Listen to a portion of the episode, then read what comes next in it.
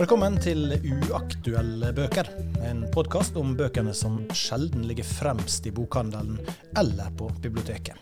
Formelen er enkel. En forfatter velger ei bok, tvinger meg til å lese den, og så snakker vi ut om det som har skjedd. I dag blir det både absurditeter, humor og en smule alvor når Gunhild Øyehaug får velge sin favoritt. Hei, Gunhild, der nede i Bergen. Hallo, Bjørn. Jeg ser at du har ei litt skeiv eh, bokhylle bak deg. Et uh, lite krypinn du sitter på der, ser det ut som. Er det kontoret ditt du er på? Ja, nå sitter jeg på hjemmekontoret mitt med den um, ikke-alfabetiske, veldig kaotiske, ordna bokhylla mi i bakgrunnen. Den, jeg har alltid sånn plan om at jeg skal organisere den, men den planen er blitt utsatt for ca. ti år. Og så når jeg flytter inn på nye kontor, så tenker jeg nå har jeg sjansen, nå kan jeg organisere det. Men uh, ja, det har ikke kommet så langt. Det har kommet så langt at jeg lager ei hylle for poesi og to hyller for prosa. så ja. Det er et slags system, men nå vet jeg i hvert fall hvor ting er, da. Det er det aller viktigste. Du, mm. um Grunnen til at jeg inviterte til denne podkasten, er jo for bl.a.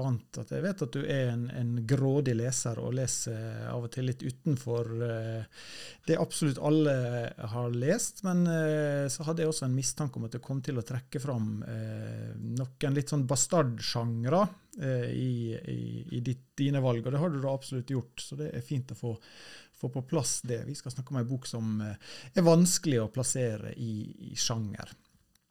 Men før vi begynner med det, Gunhild, så litt av bakgrunnen for denne podkasten er jo at vi prøver å kontre den utviklingen om at alt skal være hyperaktuelt, og alt skal være eh, på toppen av høstlistene eller vårlistene eller sånt, for at vi skal bli minnet på å lese det. Vi prøver å trekke fram de bøkene som eh, kanskje er 10-15 år gamle, som enda ikke har rukket å bli klassikere, og som havner sånn, kanskje litt under radaren til de fleste, da, selv om det er knallgode bøker. Og I det segmentet finnes det jo enormt mye. Men hvordan jobber du sjøl for å prøve å unngå dette her aktualitetspresset på lesing? Oh, nei, det, jeg føler vel at eh, jeg blir sånn litt flau bare ved ordet aktualitet, fordi at jeg er så dårlig til å følge med av hva som foregår i aktualitet, Eh, i det aktualitetsbildet. Jeg ser ikke Altså, jeg følger med på i eh, avisene, jeg ser hva som blir anmeldt og sånne ting, men, men jeg har som regel en så stor bunke med bøker som jeg prøver å komme meg gjennom fra før.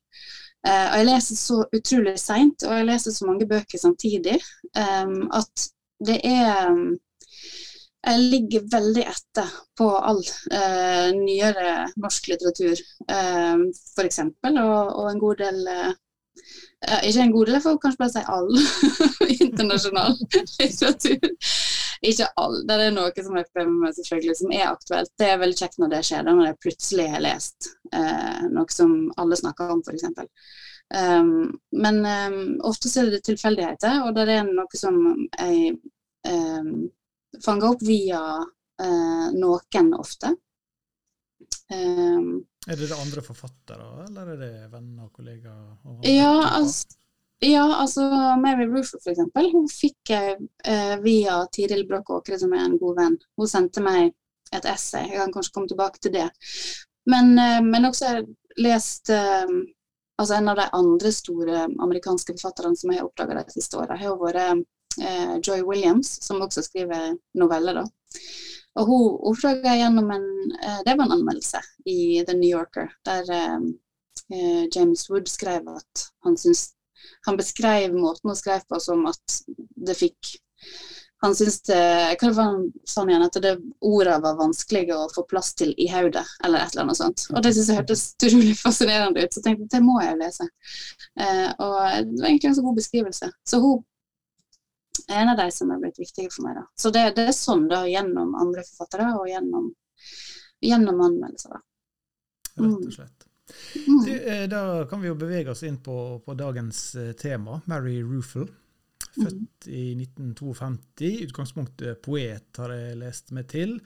Eh, og kom litt med prosa før den boka her, i 2008. Altså nå er jeg godt, godt voksen og har gitt ut veldig mye fullrost poesi, må vi vel si. Men likevel har hun gått, gått under min radar. da. Ikke det at det sier så mye nødvendigvis, men, men jeg har verken aldri bitt meg merke i navnet eller lest noe som helst av Mary Ruffle før du, før du kom med den boka her som, som heter 'The Most of It'.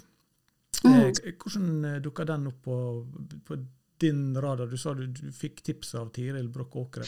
Ja da, nei, altså det var, det var rett og slett eh, Det begynte med at Tiril sendte meg en, et essay uh, som heter 'Pause', som Mary Ruffle skrev, og som lå på internett. og Det handler om menopausen. Uh, og Tiril visste at det var et tema som jeg brenner for, så hun uh, sendte meg det. Og det er et helt fantastisk essay. Det er noe av det morsomste og klokeste tenk, altså, som jeg hadde lest. Og jeg, hva skal jeg si um, bare, Det slo meg helt ut, det jeg ser der. Og jeg bare forsto at dette, denne forfatteren må jeg bare lese alt jeg kan få tak i av.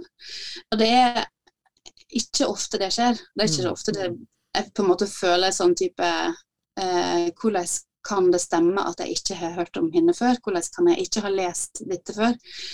Um, så jeg gikk jo sporenstreks inn på eh, internett eh, og bestilte så mange bøker som jeg følte jeg hadde råd til. jeg tror jeg kjøpte fem. og las eh, alle da. Um, og jeg har lest flere også etter hvert. Altså, og hun ble på en måte en sånn Jeg har hatt noen sånne type hva skal jeg si, store leservendepunkt i min egen på en måte leserhistorie. da. Uh, og dette har vært et av de nyeste og litt, kanskje liksom på, på, størrelse med de vendepunktene som kom når jeg la Jan Erik Vold for første gang, eller Virginia Woolf for første gang. Eh, som for meg har vært sånne vendepunkt på en måte i måten jeg både leser og, og skriver på. Um, så, men det som var så, var så rart med Mary Ruffle, var at jeg kjente egentlig meg sjøl igjen i måten å skrive på. Jeg hadde ikke sett noen som gjorde eh, Fordi jeg trodde jeg var så ekstremt original. så, ikke, men jeg kjente igjen temperamentet. Jeg kjente igjen på, på mange måter liksom eh, Altså det er mange ting eh, som på en måte klinger inn i min egen eh, skriving. da, Og jeg ble på en måte en blanding av eh, ekstatisk og fortvila over å oppdage det. Og så syntes det var så utrolig merkelig at det var mulig. Og altså nå når jeg las opp igjen uh, The Most of It, for nå er, det, nå er det noen år siden jeg leste den, uh, så fant jeg jo f.eks. ut at jeg ikke hadde lest hele. okay. de siste tekstene hadde jeg faktisk ikke lest. Uh, men, og i en av de siste tekstene da, så fant jeg faktisk ut at hun hadde Hun har en beskrivelse av ei kvinne som går i søvne Eh, og måten hun beskriver ansiktet hennes på, den er nesten helt identisk med måten eh, jeg har prøvd å beskrive Sigrid i 'Vente blinke' på. Altså måten, den, eh, måten hun stiller spørsmål til altså selve fortellinga. Hvordan, hvordan kan vi vite hva som foregår bak ansiktet hennes, f.eks. Det, var, det var veldig, veldig merkelig å, å se. Ja, det, Så, det kom vel samme år? Ja, det gjorde faktisk det. det, var det sånn, jeg ble sånn, jeg ble sånn skrekkslagen og måtte gå og så Når kom denne boka ut, egentlig? så, det var, så, så da var jeg sånn helt uh, Altså en slags merkelig form for slektskapsfølelse, da. Uh, samtidig som jeg syns hun skriver så radikalt fantastisk at jeg ble helt sånn hva, det, hva, hva, som er vitsen med at jeg skal skrive videre nå, da? Hva, hvordan, hvordan, kan jeg komme meg ut av dette? Eh, så det var en sånn blanding av både sterk fryd og sterk skrekk, nesten, uh, å, å lese henne. Så det var det personlige, da. Altså hvordan hun virka på meg som, som, uh, som hva skal jeg si, forfatter, kanskje. Um, men hadde jo også Jeg ble jo da en sånn type misjonær, ikke sant? som, det kan, kan jo skje det beste. ja, det kan det. Så jeg ble snakka om Mary Ruffle i alle sammenhenger der jeg har hatt sjansen, for jeg følte at dette må jeg prøve å formidle da, til en større leser. Um, gruppen bærer meg sjøl, jeg kan ikke gå og hegge innom dette her. Uh, så ja, så jeg satt jo da i Eller jeg sitter også fortsatt i det kunstneriske rådet for uh, Bergen internasjonale litteraturfestival. Og foreslo henne uh, at hun kunne komme og besøke festivalen, og det gjorde hun i Det må være 2019. Um, og var med på to uh, utrolig fantastiske samtaler der. som jeg følte da at hun ble liksom ble oppdaga av publikum eh, på, på, festivalen. Og det var en utrolig ja, veldig fin eh, klappa meg sånn litt sånn i, i skjul på skuldra. Men er, er, du også litt sånn at uh, altså Nå gjorde du på en måte en oppdagelse av en forfatter som ikke var på alle sine lepper. og det var ikke, altså, En ting er liksom eh, Virginia Woolf og Jan Erik Vold, som mange har et forhold til, som mange har hatt banebrytende opplevelser med. Men her var en som du kanskje ikke delte med absolutt alle andre. Så er, er du litt sånn Det er litt deilig når det er litt bare din forfatter også? Um, jeg vet ikke, nei, ikke egentlig. Men det, det blir, også tror jeg ikke egentlig at jeg har vært helt alene om dette heller. Jeg tror dette er, det, Sånn er det jo alltid. En tror jo også veldig gjerne at en er unik og oppdager ting for første gang uh, helt alene. Men jeg tror det har vært flere andre som har lest henne samtidig. Det virker i hvert fall sånn på, på, alt som skjedde i etterkant, at det var mange andre norske forfattere også som, som la sine Um, som ikke jeg visste om. Men jeg tror jo at den har en unik opplevelse. Tror, sånn tror jeg det er for alle. Altså, at den har en unik opplevelse av det en leser. Uh, som er og det kan være Flaubert, ikke sant. Altså, like mye som det kan være en forfatter jeg aldri har hørt om. For det er, ikke, det er ikke så viktig for meg å være som slags den første som trakka på trakka jord, skulle. Uh, så den oppdagerrolla, den, den betyr ikke så mye. Men det som betyr noe for meg, er formidlingsrolla. Altså det å, hvis jeg har funnet noe som jeg forstår at det ikke er så veldig mange som har lest, f.eks., da, og da kunne prøve å formidle det, enten ved å skrive om det eller nå ved å ha den privilegerte posisjonen at jeg kan foreslå forfattere for, for en festival. da. Mm. Eh, så ja, så det er viktigere. Men, men, jeg tror ikke du er alene i den opplevelsen av at den uh, boka eller det forfatterskapet her snakker til, til, akkurat det. Altså, du, fant jo, du fant jo helt sånne ned på detaljnivå ting som var likt det. og sånt, Men, men i omtale av boka og i omtale av forfatteren så finner jeg stadig vekk igjen den her følelsen av at ja, men dette her er dirigert akkurat til meg. Det adresserer, det adresserer et eller annet i, i meg som er liksom partikulært for meg, og nesten umulig at du skulle treffe det. da. Så, så, og Det er jo det vi streber etter ofte, kanskje. Eh, og så teoretiserer vi veldig om hvordan skal du få det til. og Du lærer det mm. kanskje forsøksvis bort på Skrivekunstakademiet i Bergen, men, men, men det, er jo, det, er jo, umulig å, å gjøre det eh, villet, kanskje. Jeg vet ikke. Ja, nei, det tror jeg. Og det tror jeg er på en måte kjennetegnet ved at det faktisk er godt. da. At det er nettopp mulig altså det, det snakker til. Det er på en måte både så eh, på en måte, eh, hva skal jeg si, personlig partikulært, og også helt åpent og allment. At det treffer, og at vi faktisk er likere enn vi kanskje liker å tro. Da. Altså at Um, jeg, mener, jeg, har alltid tenkt på den uh, absurde situasjonen der det står uh, tusenvis av mennesker på en Radiohead-konsert og synger 'I wish I was special'. Altså alle synger i kor. og Det er et utrolig fint bilde på akkurat det. ikke sant? Altså, den, En føler seg så knytta til f.eks. akkurat den teksten, eller akkurat den setninga. Så står hun der i et sånt hav av mennesker der alle har samme opplevelse.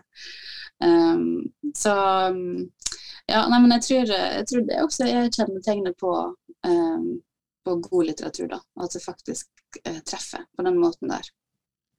Ett av kjennetegnene, i hvert fall.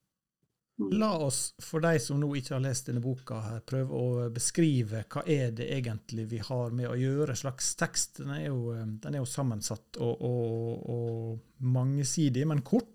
Vi kan jo prøve å oppsummere. Hva, hva, hva er dette slags bok? Altså, jeg vil jo bare kalle det kortprosa, rett og slett. En samling med kortprosatekster. Eh, fordi det er vel egentlig akkurat det det er. Altså det er korte prosastykker.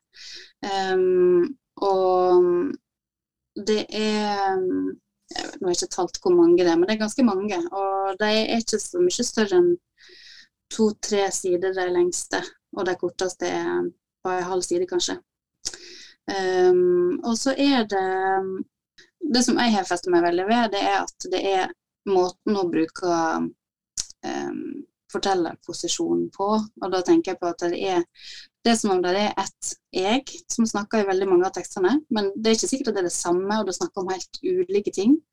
Og det kan begynne med en liten observasjon av et eller annet veldig lite som på en måte definerer hele den teksten. Det er jo det du sier ofte, det, det begynner med en observasjon, og så beveger det seg og det beveger seg relativt langt. Hun kan ta en assosiasjon og få det til å virke som den aller naturligste ting i verden, at teksten skal den veien. Mens det er jo en helt, hvis du begynner å plukke det fra hverandre, en helt vilt tankesprang som foregår der. Men det, det er så elegant gjort, og hun beveger seg fra eh, en fugleobservasjon og så ende opp på en måte i metafysikken, og, og, og, og, sånn helt uanstrengt. Og Det er det som fascinerer meg ved disse tekstene, hvordan den bevegelsen skjer. da. Mm. men du kjenner også igjen så veldig godt hvordan ei hjerne fungerer. på en måte. Når du sitter og assosierer rundt noe du ser, og så ender hodet ditt opp et annet sted. og Den, den bevegelsen er ofte veldig vanskelig å fange. Hva var det som skjedde her? Men det virker som hun liksom får den ned på papiret i det øyeblikket den skjer, og, og, og, så, og, så, kjenner du så veldig godt igjen. Ja, sånn er det jo. Sånn funker hodet mitt, liksom. Ja. ja det er veldig godt beskrevet. Og jeg tenker også at det handler veldig mye om eh, eh, også den den der eh, litt sånn dumme måten å assosiere på også. Altså den, at det der, det der litt sånn dumme tankene en har, men som en kanskje ikke vil vedkjenne seg. Disse, men disse fortellerne eh, er så skråsikre i sin, i sin dumhet, på en måte. Sånn at, og det, det, er så utrolig morsomt. Det er jo sånn, Jeg ler meg jo helt hver gang. da. Så det er bare tilfeldighet og flaks at jeg sitter her i dag. Men, eh, men eh, det er liksom um, um, Kanskje jeg hadde et eksempel jeg hadde skrevet det ned, faktisk. Um, ja, for eksempel altså disse brå kasta som må gjøre. At det liksom det handler om du tror det skal handle om noe, men så handler det plutselig om noe helt annet. Og disse feilene som man gjør. At hun, at en, at hun det om å tar liksom, eh, en idé helt ut i sin absurde konsekvens. F.eks. den eh, den lille forskjellen mellom eh, i rettskriving da, mellom diary og, og dairy, eh, som er da dagbok og, og meieri egentlig på norsk, så den teksten vil jo være totalt umulig å oversette. Men der hovedpersonen vokser opp på en diary farm, eh, som, som, er liksom så nært dairy farm som du kan komme. Det er bare bytte om I og A, ikke sant. Det er der mange, eh, ville, der mange ville jo ha stoppa der og tenkt ha-ha, fiks ideen, men jeg kan aldri, aldri i verden bruke det til noe. Men hun går liksom all in. Har virkelig vokst opp på, på en diary form. Ja. ja. og den er faktisk en av de lengste tekstene. Altså der, der, jeg eh, på en måte må ta seg av disse eh, dagbokene, dagbøkene. da. Noen av dem dør. Og, altså, hvordan, og bare totalt bytta ut ku og dagbok. så, altså, det er bare helt uh, Det er helt fantastisk. Ja, så uh, blir den, den, blir utkonkurrert, denne her Diary Farmeren, av sånne store kommersielle diary-selskap. Sånn, sånn småskalaproduksjon, det går ikke lenger. Helt, helt til det da dukker opp noen sånne hipstere som er opptatt av gamle dagbøker, og redder ja. dem fra, fra nedleggelse. Ja. ja. så det, altså det, er på en måte tatt helt Det, og det er jo nettopp det du sier, at Så er den tålmodigheten i det absurde som gjør at det blir eh, ja, noe helt annet. Ja, for det, mm. vi har jo nevnt humoren her, men vi må jo også si det absurde selvfølgelig en, en, en nøkkelbeskrivende ord her for, eh, for disse tekstene. For det, her er mm. på en måte ingen, eh, ingen sånn veldig respektfullt forhold til naturlover og til hva som kan skje, og kausalitet og sånne ting. Det, det, er ikke så viktig. Her er det på en måte tankespranget som gjelder. Da. Det å, mm. å, å, lande det på en eller annen måte. Mm. Ja, men samtidig så er det uh, fordi hun gjør det på den måten. Altså det, er ikke, det er ikke på noe vis absurde tekster i um, hva skal jeg si, De er veldig leselige, for å si det på den måten. Altså det er på en måte Um, og, og, de er innenfor en veldig gjenkjennelig kontekst. Um, og at det er og, Men altså f.eks. en annen tekst som jeg tenker på, den, eh, som er 'The Most of It', av selve tittelnovella. Der det handler om en tante. Eh, der jeg eh, husker tilbake til når jeg fikk brev fra tante Mil, som var en sånn spesiell hendelse fordi tante Mil hadde en håndskrift som var så gigantisk at uh, kom, når brevet kom, så måtte alle barna i gata hjelpe til å brette ut eh, brevet på, på, asfalten. Og så måtte mora, da, søstera til tante Mil, hun måtte stå oppe på taket eller på verandaen med, med en form for kikkert eller et eller annet som hun kunne, kunne liksom myse ned på for å lage seg et bilde av hva som faktisk sto i brevet til tante Mil. Eh, og jeg-fortelleren forteller om hvordan hun brukte å legge seg ned inni O-en, f.eks. Så den hele vekslinga mellom det å komme så tett på Det, det er også en tekst som på et eller annet vis kommenterer det å lese. Der mm. ordene er så mm. store at du trenger en enorm avstand for å se dem, men samtidig noe som er så tett på at du kan legge deg ned inni deg. Det handler om at det er absurde tekster, men at de er eh, De er likevel rota i en sånn følelse av noe veldig hverdagslig. Som blir så det, det er der stadig sånn sammenholding mellom noe som er så på en måte abstrakt og og fullstendig ikke-virkelig, i en ramme av noe som er fullstendig gjenkjennelig mm. og nært og hverdagslig. Og, altså for også den, jeg tenker på den teksten som handler om ekteparet som krangler om hva, hva, slags benk de skal ha i hagen sin. Da er det en kone og en mann som eh, ikke blir enige om hvor lang den teksten, nei, ikke teksten, men benken skal være som de tenker å utstyre hagen sin med. Um, kona vil ha en ja, nå kan ikke jeg feet, det hun vil ha fire feet eh, eh, størrelse på benken, mannen vil ha tre. Og det, det, det, er liksom det som er kjernen for diskusjonen. Eh, og så leter de til slutt ligge, fordi de orker ikke å diskutere det mer. Eh, og til slutt så tar de det opp igjen etter en, en, tid, og der eh, oppstår det et tredje alternativ, nemlig å ikke ha noen benk i det hele tatt. Som man da kaller Da oppstår det plutselig en tredje benk.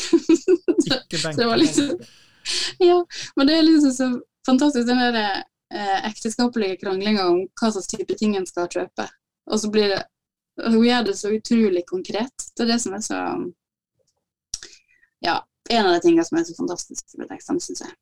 Ja, for, fordi eh, det som er med, med, tekster fulle av absurditet, hvis de mangler den rotinga, da, eller den, det ankeret i et eller annet som gjenkjennelig, så blir det på en måte bare, bare absurde, og det er jo veldig vanskelig å forholde seg til noe som, mm. som ikke består av noe kjent også. Og det, og det, er veldig ofte en sånn type melankoli, tenker jeg, som ligger i, og som gjør disse tekstene av og til nesten litt for perfekte. Sånn som den, eh, eh den du nevnte med at de leser disse kjempestore brevene fra tanta. og Da kommer hele nabolaget og samler seg rundt sant, og står og venter på mm. disse brevene skal komme. Og så, og så er det en setning på slutten der barna kan krype krype inn altså, En ting var at hun la seg i O-en, men alle barna samles og så kryper inn i hver sin bokstav og har et litt sånn verna område der mm. mens alle voksne står rundt og ser på. Da.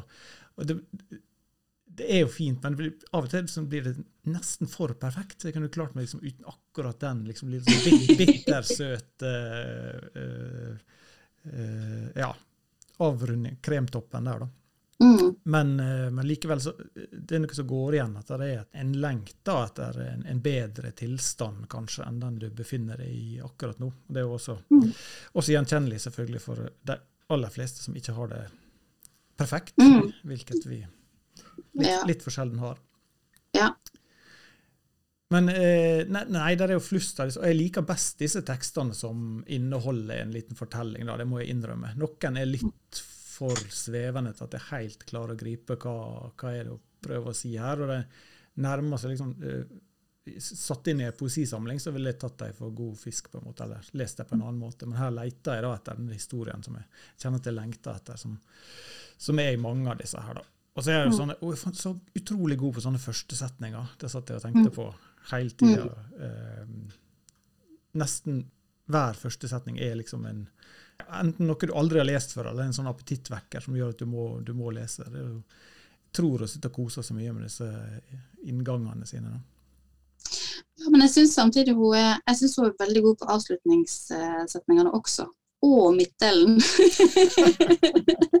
så liksom helt sånn eh, altså For min del så tror jeg at det er eh, Jeg forstår hva du mener med historie, men jeg tror nok at for min del så blir det nok kanskje faktisk i enda større grad dratt mot de som er refleksjoner, da. Som er mer, eh, som er mer essayistiske. Og det er også en av, den, altså en av grunnene til at jeg eh, liker denne boka så godt, er at den er så um, mange spredd i form. Altså er, og jeg tror det er også spesielt det innslaget av um, en form for essayistikk. da. Jeg kaller det essayistikk mer kanskje enn poesi, for poesien tror jeg kanskje nesten at jeg finner i avslutningene. For det er der de, er der de blir liksom tunge på en eller annen måte, og, og klinger ut i et annet rom enn det som har vært til nå. Det, det overrasker meg nesten alltid. Jeg sitter liksom nervøs og spent når jeg leser hvordan det kommer til å ende. Uh, og så ender det som regel helt annerledes enn jeg hadde tenkt. Uh, mens det um, den måten å tenke rundt um, bare, og, det kan enten være en helt sånn eh, absurd um, ting som f.eks. den teksten som handler om eh, som heter 'Beautiful Day', som handler om en hovedperson som heter R, som møter en annen person som heter R. Eh, um, og de, altså, de heter det samme etternavnet, da finner de ut i en en kø der de skal avgi stemmene sine ved et eller annet valg. Og Så blir de ropt opp, og så forstår de at de heter samme etternavn. Og så nikker de sånn høytidelig til hverandre. Og så fortsetter teksten handler på en måte om at uh, deres relasjon går ut på å fortsette med hver gang de møter hverandre tilfeldig, så er det til ikke bukke til hverandre som sånn anerkjenner, anerkjenner deg. Der er du. Men så plutselig denne dagen Eh, der R er på vei til posten, så dukker også den andre R opp utenfor posten. Og så bryter den andre R denne kontrakten om et lite nikk og sier 'hallo'. og, da, og, da, og den, den eh, både liksom forfjamselsen og ekstasen som oppstår hos den eh, hovedpersonen som heter R, da, av lykke og sjenerthet, hun, går jo til slutt ikke inn på postkontoret, da. Eh, men det handler på en måte om eh, Altså det, det der ubevisste, eller bevisste Hva, hva, heter det um, eh, sånn, De mellommenneskelige transaksjonene som er så utrolig bitte små, eh, men som på en måte løfter opp i et slags sånn eh, ekstatisk kor, der også omgivelsene får med seg denne her eh, transformasjonen i, i eh, kommunikasjonsform mellom de to. Da. Der, der står det f.eks. at eh, og beskriver sånn, disse her verandakassene utenfor postkontoret som var fulle av eh, krokuser. Skal se om jeg hadde notert det ned. Uh, and in the window of the boxes attached to the brick facade of the building, pert crocuses stood in a bright array. It seemed to me they were like responsive ears, alert to whatever R and I might venture to say next. og det bildet av krokusene som som øyre, da. Jeg syns det var helt, uh, helt utrolig. Og som blanding av kanskje den mer sånn poetiske åra, da. Mm. Um, og også her da tenkte jeg ja, kanskje krokuser ser ut som, eh, som øre. Det gjør faktisk det. Men, men, i hvert fall at den um, omgivelsene lytta, da, det var helt um, uh, utrolig. Men det var egentlig ikke det jeg skulle si. Jeg skulle jo egentlig snakke om den, de refleksjonene som, uh, som oppstår. Og da er det på slutten altså det essayistiske, da. Dette var jo egentlig en ganske klar fortelling. Mm. Men så er det også på slutten så er det en historiefragment, um, og der, der, er det en um, nå har jeg glemt hvem som er utgangspunktet for den historien, hvem som er fortelleren. Men det er i hvert fall en tanke om at vi alle sammen leser bare ei bok. Eh, og det er, den, det er, på en måte det som er utgangspunktet for teksten. Altså, og det, det, er den refleksjonen om at eh, vi er Alle leser, alle har bare lest ei bok. Og Det er den samme boka vi leser hele livet, og det er på en måte summen av alle de bøkene eh, vi leser. Og så klarer da denne eggbrilleren å reflektere seg fram til at det er det som er årsaka til at eh, alle er ulike. At vi leser bøker vi leser ulike bøker, og hvis vi leser de samme bøkene, så vil vi antageligvis lese dem i ulik rekkefølge. og fordi vi leser bøker i ulik rekkefølge, så er vi altså eh, ulike. Og så sier hun eh, I don't mean to insult genetic researchers, but I have a hunch that if no two people are alike, this is why. og det er så fint at den, skråsikre I have a hunch. det liksom, jeg, jeg aner kanskje, men dette er hvorfor. Um, ja. De, Veldig langt svar, men det var, det var, jeg prøvde i hvert fall å bevege meg inn på forholdet mellom det esaistiske og, og, de fortellingene som også finnes. da. Det, den boka her vant jo faktisk en, en essaypris, altså for beste essaysamling. og, og en, av, en av dommerne, som når den da ble dommer, det høres så rart ut. Jeg kalte det faktisk det, The Judge. Men han sa, sa da under utdelinga, og grunnen, grunnen til at den her kunne betraktes da, og forsvare at han fikk en essaypris, det var 'The most of it embodies so much of what we want essays to be'. Intrepid, inquisitive, lyric and learned. I am tempted to conclude that if this book does not conform to our definition of essay, we ought to confirm our definition to this book. Så det er en fin, Ja, fin vending. Det var veldig fint. Ja. Det visste ikke jeg, så takk for, uh, takk for eh, ny informasjon. Ja, enda en fun fact, eh, fun fact Ja, det... du kan dra fram på Roofle-møter dere har i klubben. Det skal jeg dra fram i all framtid, faktisk. Mm. Ja, her er jo altså, som vi er inne på, det, alt fra liksom, småpoetikker, er drømmer, meditasjoner og plumpe vitser til og med. Helt sånn, det holder seg ikke for god til å, å komme med en liksom. Her er jo en veldig kort tekst om eh, hvis du var en liten sånn eh, mindre enn en leprechaun som bodde inni en vagina, og det stadig vekk kom en penis inn, så kom koppene dine til å velte ned fra, fra hyllene på veggen og sånt. Og det, og det er liksom det. Det, det var den. Det er to-tre linjer Mm. eh, som slenger inn der, da, som, som den selvfølgeligste ting at det skulle stå der. Ja. Eh, og det er jo Jeg liker elsker jo den respektløsheten liksom, for den litterære institusjonen. altså dette, dette må Stadig vekk blande, vender vi tilbake til dette med å blande høyt og lavt. Men her er jo en forfatter som virkelig får det til, og får det til elegant. på en måte. Det kan jo Mm. ofte bli litt sånn påtatt, kanskje, hvis man setter seg for det. Men eh, det føles ikke som det er en sånn, eh, en sånn noe å gjøre for å bevise noe, men at, nei, den her, den her skulle inn der. Ja, nei, jeg tror ikke det. Jeg tror, ikke, jeg tror det meste blir påtatt hvis en på en måte bestemmer seg for at nå skal jeg sånn eller sånn. Eller. Men det, det opplever det som en, det er en, eh, en helt sånn genuin interesse da, for det plumpe og for det dumme.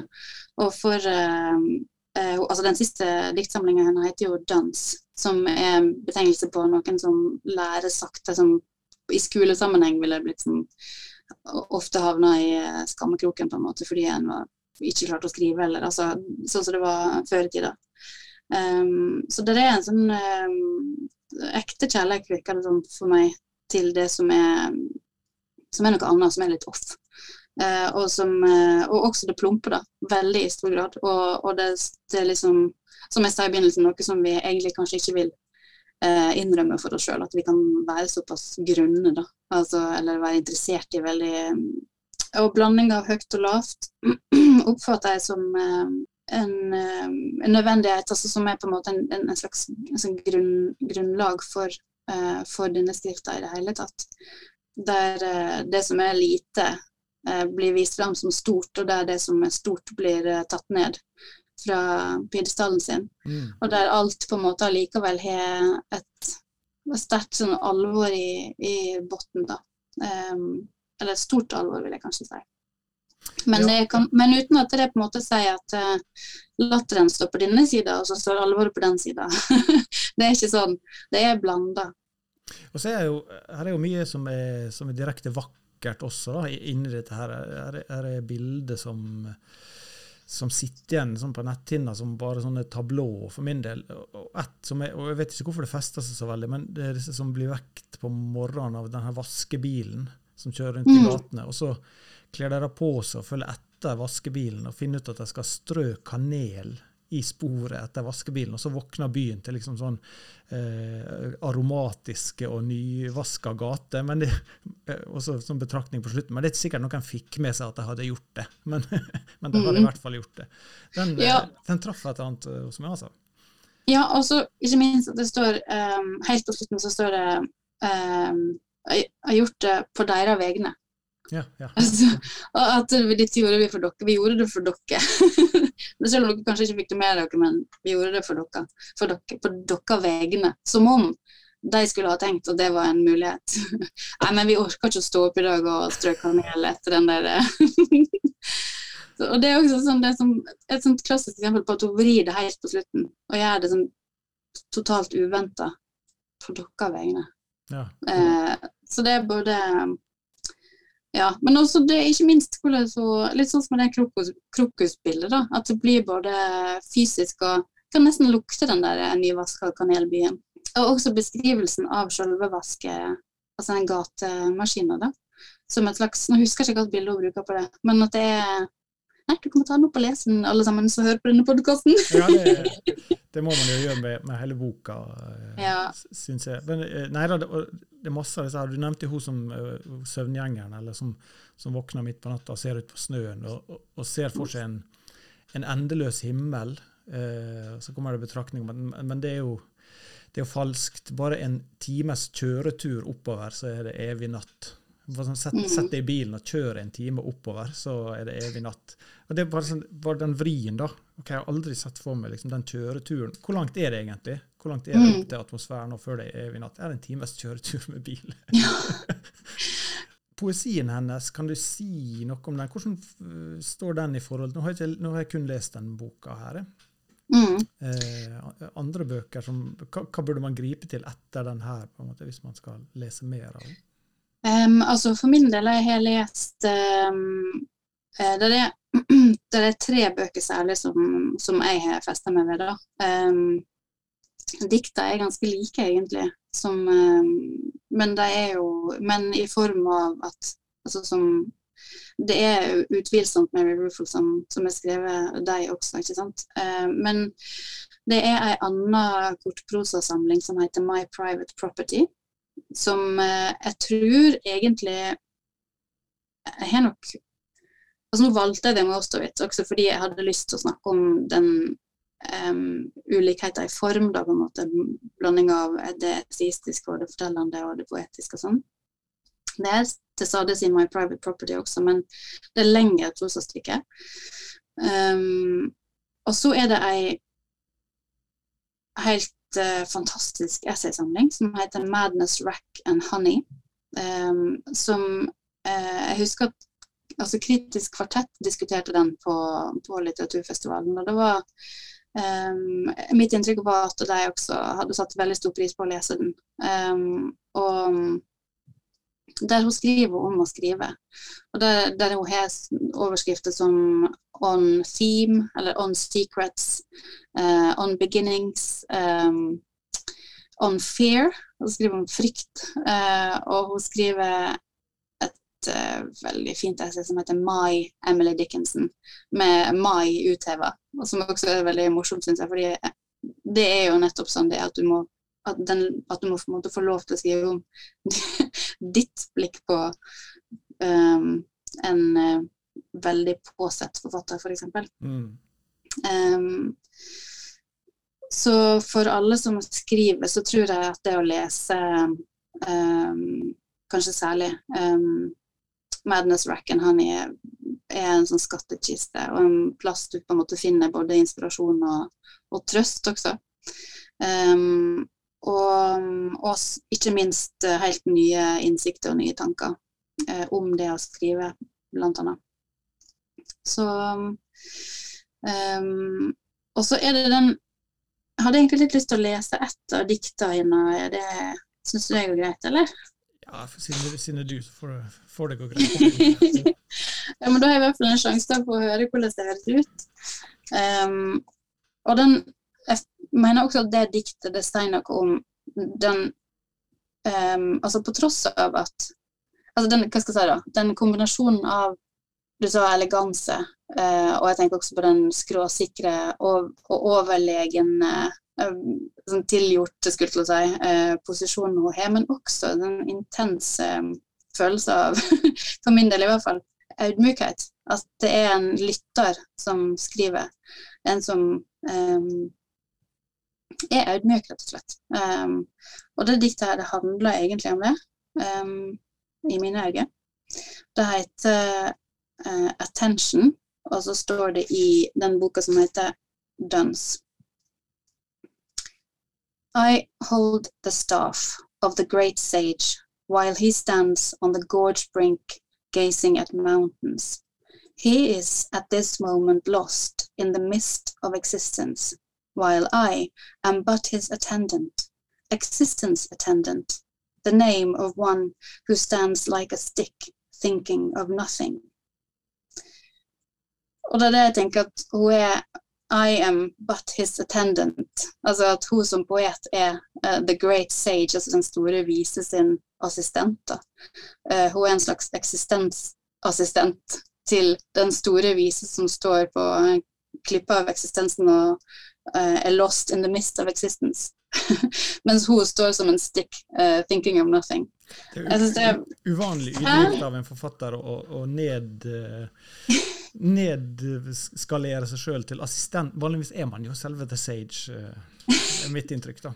Det er nettopp det, men jeg syns det, det, det, er den holdninga som ligger på en måte helt innerst i, i tekstene hennes. Mm. Samtidig som det er en, en um, det er en stor komikk i det også, ikke sant? fordi det, det er jo nettopp storslått. Jeg har ikke sett et mer storslått dikt om en audmjuk eh, eksistensassistent enn det. Så det er en, det er en veldig fascinerende dobbelthet i det. Men samtidig så tror jeg på det. Jeg tror at det er det som er eh, hennes rolle som forfatter. Da. Det er å være den eh, eksistensassistenten. Ja, det, det, er interessant det du sier med å tro på det. for eh, Ofte så, altså Autentisitet er jo noe vi elsker i våre dager, nesten like mye som aktualitet. Og, men det forbindes ofte med kanskje et annet sånn refleksjonsnivå, en annen tone enn den vi finner her. og Likevel så oppfatter jeg det her som ekstremt autentisk. da. Det er noe av det, Selv om det er plumpt, og selv om det, eller kanskje fordi da, eh, mm. det er det, så, så, er det ekstremt ektefølt. Selv de mest absurde detaljene her som, som du egentlig kan le bort, virker som det er på en måte ja, som vi var inne på i starten, det stammer fra et, et ekte og, og, helt menneske. Da. Så det, det, det, det, har jeg veldig sansen for, at autentisitet kan, kan fremtre på den måten også, og ikke bare f.eks. gjennom eh, ja, ja, liksom refleksjoner over indre liv som, som, som, kun er indre liv, da. hvis, det, hvis det gir mening. Ja. ja, men det er jo også derfor at det er så fint å lese henne, fordi en blir uh, rista i, i, oppfatningene sine av ting. Altså den, og at den um, Og blant annet det, da. Uh, tror jeg kan være ganske nyttig. Um, og ja, oppleve. At uh, autentisitet er noe annet. Det er ikke bare én ting. Um, og kan oppstå på så utrolig mange ulike vis. Og ikke mm. minst veldig deilig å få le litt. Det, det satte jeg pris på, og det gjør vel strengt tatt alle, hvis vi skal være ærlige med oss sjøl. Ja. Eh, Gunhild, tusen takk for det lesetipset her. Det var, eh, jeg kommer definitivt til å lese mer av, av Mary Ruffle. Eh. Så da eh, skal vi takke for denne gang, og så eh, følge med på eh, videre lesetips fra andre forfattere i neste episode. Ha det godt. Ha det bra.